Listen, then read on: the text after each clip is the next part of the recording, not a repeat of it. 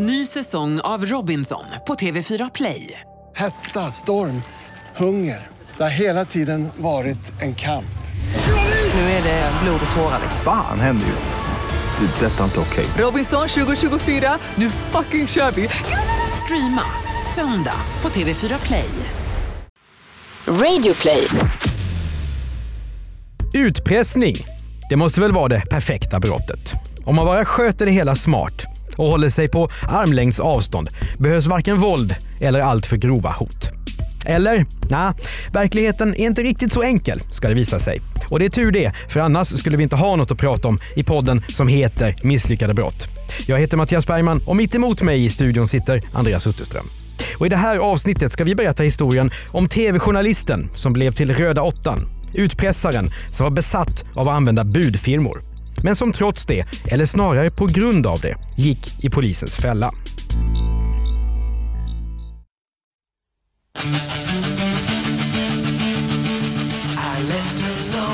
–1982.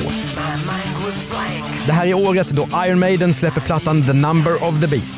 Hårdrockare i hela världen jublar. Jublade Mattias Bergman? Inte det minsta. Nej, inte Andreas Utterström. Det här är året innan jag blev kär i Carola Häggkvist. Jag förstår, jag förstår.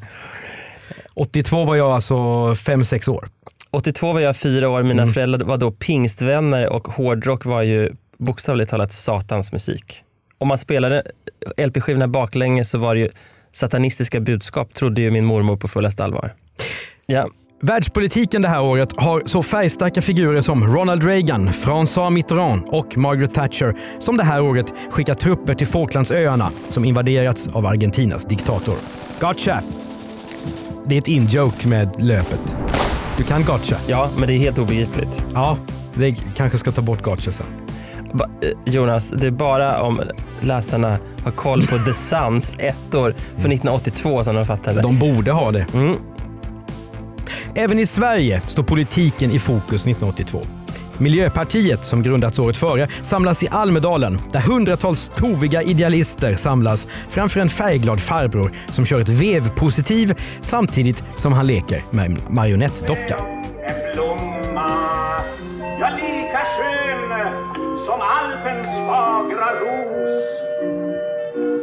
Miljöpartiet kommer inte in i riksdagen i valet under hösten.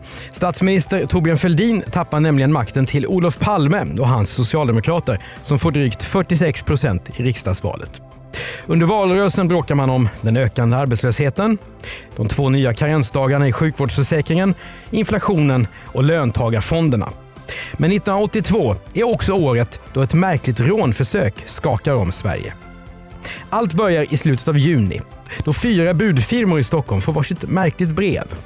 Formuleringarna varierar något, men instruktionerna är de samma. Brevskrivaren skickar med förseglade brev som ska levereras till PK-banken, Sparbanken, Handelsbanken och Värmlandsbanken i Stockholm. Men redan här begår gärningsmannen ett misstag. Han har slarvat i researchen av budfirmorna. En av dem har lagt ner verksamheten och brevet hamnar därför på postens reklamationsavdelning. En annan budfirma öppnar inte brevet förrän flera dagar senare. Men på två av de här firmorna sprättar man upp försändelserna direkt och innehållet gör dem minst sagt förvånade. Så här skriver brevskrivaren, som kallar sig Olle Andersson, till budfirman Adena Bud. Tacksam om ni kan köra bifogat brev till adressaten. Vänta medan de ordnar med godset som kommer i en väska eller låda. Det bör inte ta mer än 10 minuter. Kör godset till centralen, placera det i vagn 43, främre ingången på tåget klockan 11.13 mot Helsingborg. Budet behöver inte vänta. Jag dyker nog upp i sista stund, men det är bra om godset blir levererat klockan 11.00 för att vara på den säkra sidan. Sätt på den bifogade adresslappen. Jag hoppas att bifogade 200 kronor täcker kostnaden, men jag hör av mig senare under veckan för att kolla. De anställda vid de här två budfirmorna har visserligen varit med om både märkliga leveranser och kunder som skevar. Men det här verkar jättekonstigt. Vad är det egentligen som ska hämtas på banken? Varför betalar kunden i förskott via brev och utan adress och telefonnummer? Därför öppnar budfirmorna de brev som ska levereras. Så här står det i det som är adresserat till PK-banken. Det här är ganska långt, men det är värt att lyssna på. Utlös icke-larmet. Då flyger huset i luften. Vi har er under bevakning. Budet vet inte om innehållet i brevet. Vi har ordnat sprängladdningar som lägger hela byggnaden i spillror. Utlösningen kan vi göra från avstånd med radiostyrd utlösare. Vi vill ha 4 miljoner kronor, 2 miljoner i begagnade 100 kronors sedlar och 2 miljoner i 1000 kronors. Dessutom 50 000 dollar, 10 000 pund, 50 000 D-mark, 100 000 norska kronor, 100 000 danska kronor. Annars får ni fylla på med svenska. Lägg allt sammans i en väska eller låda. Budet väntar under tiden. Det får ta 10 minuter. Ingen anmälan till polis får ske förrän klockan 8.00 imorgon. Ingen får följa efter budet. Vi har apterat laddningar hos tre av bankens personal, alltså hemma. Jagas budet eller något inte stämmer med pengarna smäller det. Vi har en organisation som diskret kan övervaka er. Budet tillhör inte oss. Därför förlorar vi inget om ni handlar mot instruktionerna. Hotbrevet är underskrivet med röda åttan. Nu finns det bara en sak att göra. Budfirmorna går till polisen. Och där tar man genast utpressarbreven på stort allvar. Först måste man försäkra sig om att bankerna inte riskerar att flyga i luften. Säkerhetschefen på PK-banken ska senare berätta att både bankens lokaler och vissa av tjänstemäns villor söks igenom. Ingenting misstänkt hittas. Personalen får ändå stränga order om att bege sig hemåt direkt vid arbetsdagens slut. Ingen får stanna kvar ensam eller jobba över. Vissa chefer får också av säkerhetsskäl låna nya bilar. Samtidigt börjar polisens jakt på gärningsmännen. Utredarna läser breven mycket noggrant, om och om igen. Varför kallar utpressaren sig för just röda åttan? Och har gärningsmannen några medbrottslingar? Formuleringarna i breven antyder det. Å andra sidan är det inte ovanligt att ensamma galningar uttrycker sig på det här sättet. De skriver gärna vi istället för jag för att skapa illusionen av att de ingår i en stor och välorganiserad liga. Det vet man inte minst om man har hört misslyckade brott om Silja Line-utpressaren. Oavsett sanningen inser utredarna här att bästa sättet att få fast gärningsmannen, eller utpressa gänget, är att helt enkelt spela med i bluffen. 19 spanare får i uppdrag att agera bud, banktjänstemän och annat onsdagen den 30 juni då budleveranserna ska ske. Men dagen innan får budfirmorna ett nytt brev från signaturen Olle Andersson. Han har nämligen tvingats inse att instruktionerna i de första bombreven var ofullständiga. Olle skriver så här. Glömde säga i min beställning angående hämtningen i banken onsdag 30 juni att ni måste ordna en adresslapp på godset innan ni sätter det på tåget. Det räcker om det står Olle Andersson på adresslappen. Vilken klant. Det är otroligt roligt. Det här förändrar såklart ingenting för polisens del. Planen ligger fast. Vid halv elva på förmiddagen åker poliserna utklädda till bud och levererar kuverten till bankerna. Men allt är en charad. För banktjänstemännen, de riktiga, vet vad som väntar och kommer en stund senare tillbaka med kartonger som buden tar med sig därifrån. Därefter klistrar buden, precis enligt instruktionsbreven, fast namnlappar där det står Olle Andersson. Sen kör de till Stockholms centralstation och ställer sig och väntar på tåget. Klockan 10.55 rullar tåget fram till perrongen. Det ska avgå 11.13. Buden ställer kartongerna i två olika vagnar där några av polisens spanare håller utkik utklädda till vanliga resenärer. Men åtta minuter före tågets avgång inträffar något oväntat. Ett bud på flakmoppe närmar sig tåget. Han hoppar ombord, hämtar kartongerna, lastar dem på flaket och kör iväg. Är det här en av Röda Åttans medhjälpare kanske? Spanarna på tåget tvingas lämna sina positioner och diskret stoppa det här budet. Och de inser snabbt att han inte har någonting med Röda Åttan att göra. Mannen berättar nämligen att han av sin chef har blivit ombedd att hämta upp några kartonger på tåget. Varför det? Jo, för att chefen har fått ett samtal från en man som ringt och sagt att han var försenad till tåget och därför behövde hjälp att buda några kartonger till Hotell Terminus mitt emot centralstationen. Där skulle budet få betalt. Det var också viktigt, sa mannen som ringde, att budet gick ombord på tåget så nära avgångstiden som möjligt. Så vad ska polisen göra nu? De bestämmer sig för att en av spanarna ska åka med budet på flaket tillsammans med kartongerna. Flakmoppen kör till hotellet. Budet och polisen går in i lobbyn för att överlämna paketet. En kvinnlig receptionist berättar att hotellet dagen innan har fått ett maskinskrivet brev från, ja, Olle Andersson såklart. Ständigt denne flitige brevskrivare. I brevet står det Onsdag 30 juni kommer budet in med bagage som blir hämtat av någon senare samma dag. Skulle tro att budet vill ha en hundring. Behåll resten för besväret. I brevet ligger också kontanter. Spanarna sätter sig i receptionen och väntar. Kommer mannen, eller männen, bakom den märkliga signaturen Röda åttan att dyka upp? Nej, han har sin vana trogen anlitat ytterligare en budfirma för att plocka upp pengarna. Det hela börjar nästan likna en rysk babusjka-docka där man lyfter av lager på lager på lager. Ett poddtips från Podplay. I fallen jag aldrig glömmer djupdyker Hasse Aro i arbetet bakom några av Sveriges mest uppseendeväckande brottsutredningar. Går vi in med hemlig telefonavlyssning och, och då upplever vi att vi får en total förändring av hans beteende. Vad är det som händer nu? Vem är det som läcker? Och så säger han att jag är kriminell, jag har varit kriminell i hela mitt liv men att mörda ett barn, där går min gräns.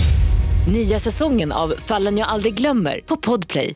Den här gången kommer budfirman från Örebro. Från Örebro menar jag. Ja.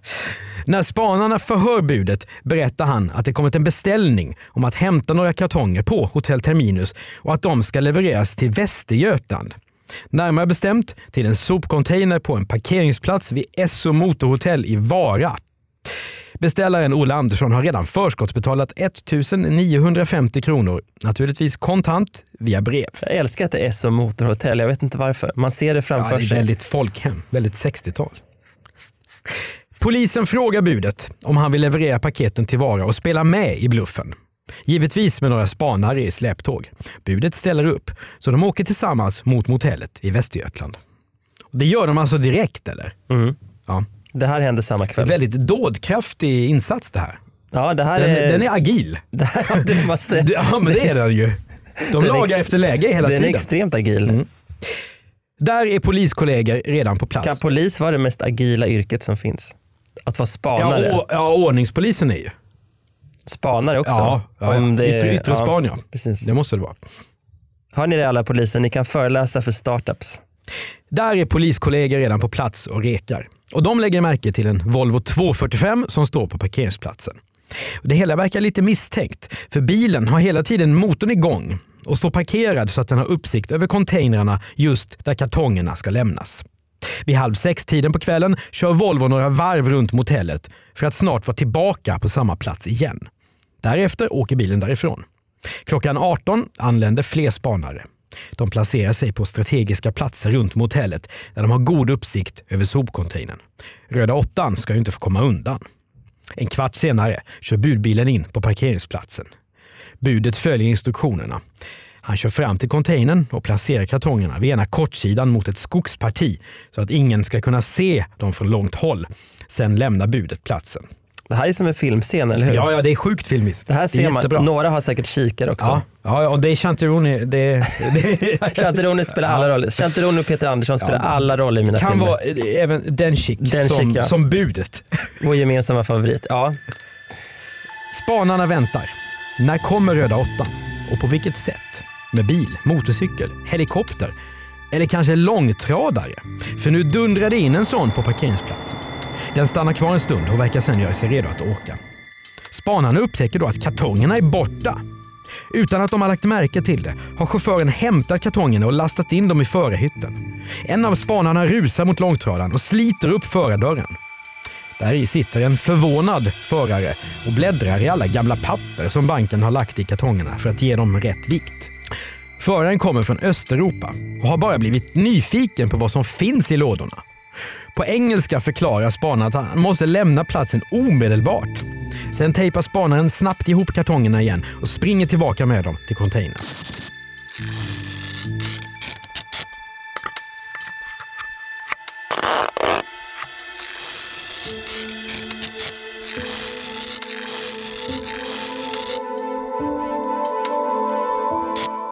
Var han får tejpen ifrån är ju en gåta. Kanske måste en bra spanare alltid ha tejp i bakfickan. möjligt. Ja. Det är också agilt. Läget är nu spänt och oroligt. Om polisen har otur så har Röda åttan kunnat följa det som hänt på avstånd och i så fall kan ju allt vara kört. Så nu återstår bara att hoppas och göra det som en spanares vardag till så stor del består av. Vänta. Och det blir inte förgäves. För klockan 19.25 kommer Volvo 240 tillbaka, den som tidigare väckt misstankar. Föraren stannar på parkeringsplatsen vid motellets entré. Han tittar mot containern. Efter en stund kör han fram dit och ser att kartongerna står på rätt ställe. Spanarna är redo att slå till nu, när som helst. Men de vill ju vänta tills Volvomannen kan gripas på bar gärning med kartongerna i famnen. Volvon stannar till nära containern. Föraren stiger ut ur bilen. Han går fram till kartongerna och börjar öppna dem. I samma ögonblick rusar spanarna fram och griper honom. Mannen blir alldeles stel. Den intensiva jakten på röda åttan är över. Så vem är nu den här utpressaren som så oförklarligt har blivit besatt av budfirmor? Innan du fortsätter med Mattias och kommer till den del av avsnittet som faktiskt kanske är den allra mest spännande Ja. när, du, när du ska berätta vem Röda åttan är, ska vi passa på att slå ett slag för vår bok Misslyckade brott. Detta är ju en cliffhanger som ingen lyssnare vill vara utan. Exakt. ja, boken Misslyckade brott. 11 utvalda case. Den har vi tjatat om förut men det gör vi gärna igen för jag är väldigt stolt över den där boken med 11 av våra favoritfall. Vi har, eh, man slipper höra våra röster och dessutom har vi hittat väldigt mycket roligt bildmaterial som förgyller de där historierna tycker jag. Ja men absolut.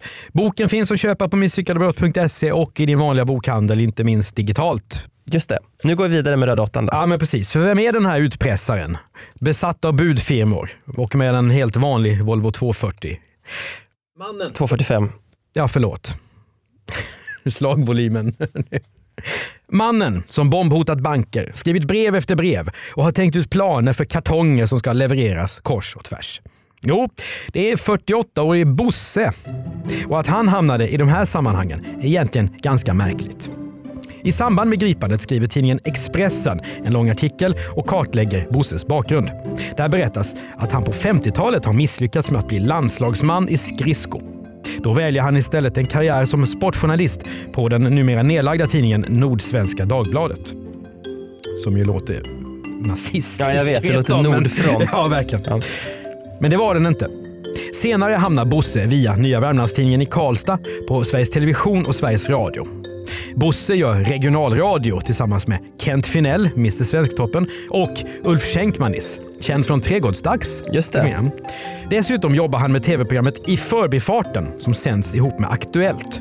Det når en miljonpublik eftersom vid den här tiden finns det bara två tv-kanaler i Sverige. Som dessutom sänder typ 12 timmar totalt per dag. Tillsammans ja. Ja. ja. Kollegorna på SVT beskriver Bosse som en försiktig herre, alltid klädd i kostym och slips. Hustrun pratar om honom som lite av en patriark. Kanske är det dessa egenskaper som gör att han väljs till kassör i Värmlands journalistförening och där, som det ska berättas senare, får han upp ögonen för affärslivet. Där kan man ju ana lite bittra kollegor som tyckte att han var lite märkvärdig. För första går han klädd Ah. i kostym. Under Vilket är, ingen journalist på den här tiden gör ju det. Nej, nej, där är det ju bara jeansjackor och Mm. eh, kommunistiska manifestet i bröstfickan. Bosse var imponerad av den så kallade fina världen. Det berättar en före detta tv-kollega för Expressen. 1965 lämnar Bosse journalistiken och blir PR-konsult. Och nu ska det bli åka av. Hans första uppdragsgivare blir näringsrådet i Värmlands län och Karlstad stad. Och mest känd blir Bosse som PR-man för motorevenemanget Kanonloppet i Karlskoga. Det sägs att det går så bra för Bosse att han kan öppna filialer i Västerås, Oslo och Göteborg. Källa Expressen ska vi säga på den eh, Mm. uppgiften. Men under 70-talet får Bosse smak på fastighetsaffärer. Han flyttar 1976 hela verksamheten till Göteborg och flyttar in i en villa i fina Långedrag tillsammans med sin nya fru. Han är engagerad i barnens skola och ordförande i Rotary. Utåt sett ser allt bra ut. Men det är när Bosses visionära sida får fritt spelrum som allt spårar ur. Bosse lyckas med konststycket att få det statliga Apoteksbolaget att låna ut 17 miljoner kronor till honom utan säkerhet. För pengarna köper Bosse det gamla Carnegiebryggeriet i Göteborg av Prips. Och han har stora planer. Vid stranden av Göta älv ska Bosse bygga Göteborgs nya storhotell. Kommunpolitikerna jublar. Det vill säga Göran Johansson redan då. De ser potentialen till ett nytt visionärt storföretagande i Göteborg vid sidan om Stena, Volvo, SKF. Men allt havererar. Bosse driver flera bolag och de har alla ett gemensamt. Röda siffror. De går alltså med förlust. För att få in nya friska pengar så säljer Bosse fastigheten vid Älvstranden till ett Göta Finansbolag. Och nu Andreas, vad är nu Göta Finans för någonting?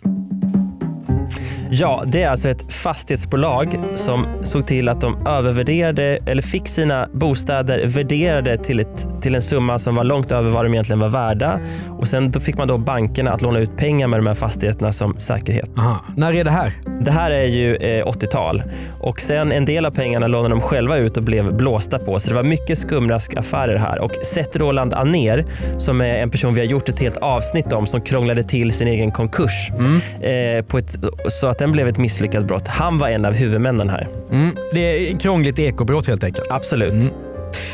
Så det här är alltså kort sagt riktigt dåligt sällskap för Bosse. Så ett Roland vill man inte göra business med. Kan man väl säga. Absolut inte. Så fastighetsaffären spricker, Göta Finansbluffen nystas upp och flera som är involverade i den här härvan döms till fängelse för ekonomisk brottslighet. Och Bosse är en av dem. Han får tre och ett halvt års fängelse för grovt bedrägeri. Men han är fortfarande på fri fot trots domen. Och dagen efter sitter Bosse på sitt kontor och skriver de första breven till budfirmorna och bankerna. Några dagar senare grips han som Röda åttan. Bosse är alltså nu misstänkt för nya brott. Betydligt mer handfasta än de ekonomiska brotten han är dömd för tidigare. Men han nekar. Bosse hävdar att han har utsatts för en komplott och att någon har lurat honom till sopcontainern och kartongerna i syfte att ge honom en riktig näsbränna. Han har bara jobbat på uppdrag av den mystiske brevskrivaren Olle Andersson. Det är som tom, domstolarna brukar säga, eh, en berättelse som kan lämnas utan avseende. Ja, just det. Ja. Det vill säga en ren lögn. En ren lögn, ja. Mm. Dessutom bedyrar Bosse att han faktiskt har tillgångar på 120 miljoner kronor och att han dessutom driver framgångsrika bolag i USA. För en kvinnlig bekant har Bosse nämligen berättat att han i Amerika arbetar med ett projekt som handlar om att utveckla en mobil sopförbränningsugn. Jag har det hela tryggat, säger han apropå sin framtid. Men då måste Bosse ha glömt eller möjligen förträngt sina räntekostnader för de uppgår nämligen till 18 000 kronor om dagen. För journalisterna är det här förstås en oemotståndlig story. Finanshajen som blev bedragare. Gammal tv-stjärna dessutom. För kvällstidningarna kan det knappast bli bättre. En av dem som bevakar rättegången är Aftonbladets reporter Malou von Sivers, idag känd som programledare på TV4. Hon skriver flera artiklar om det drama som utspelar sig i samband med att Röda åttan ställs inför rätta.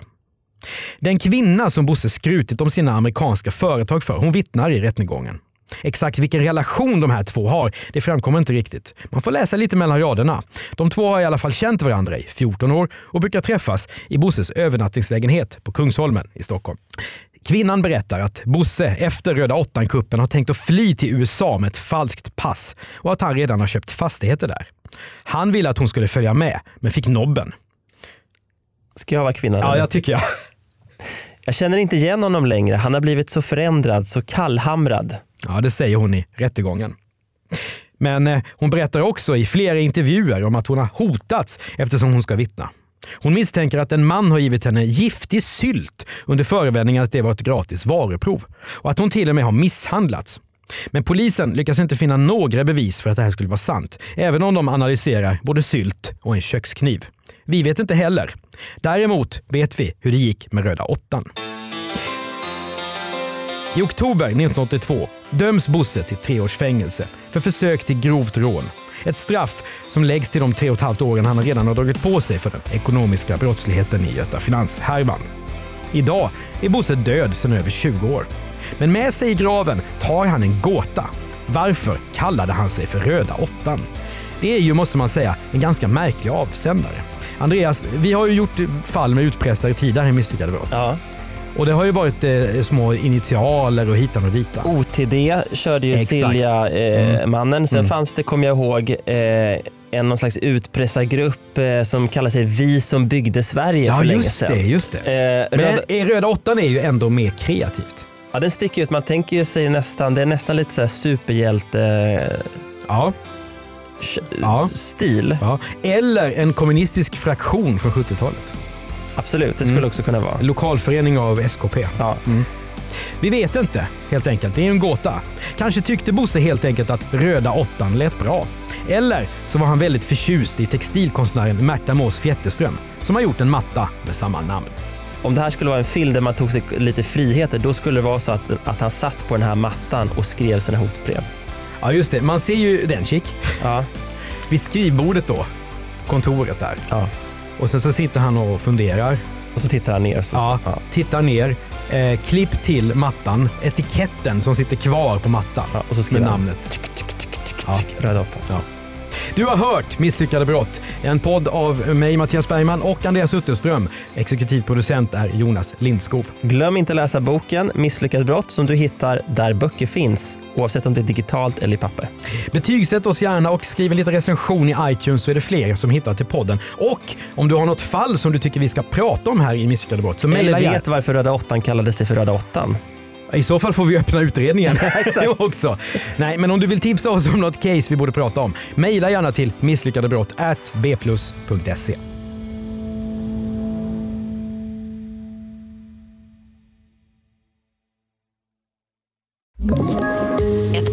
poddtips från Podplay.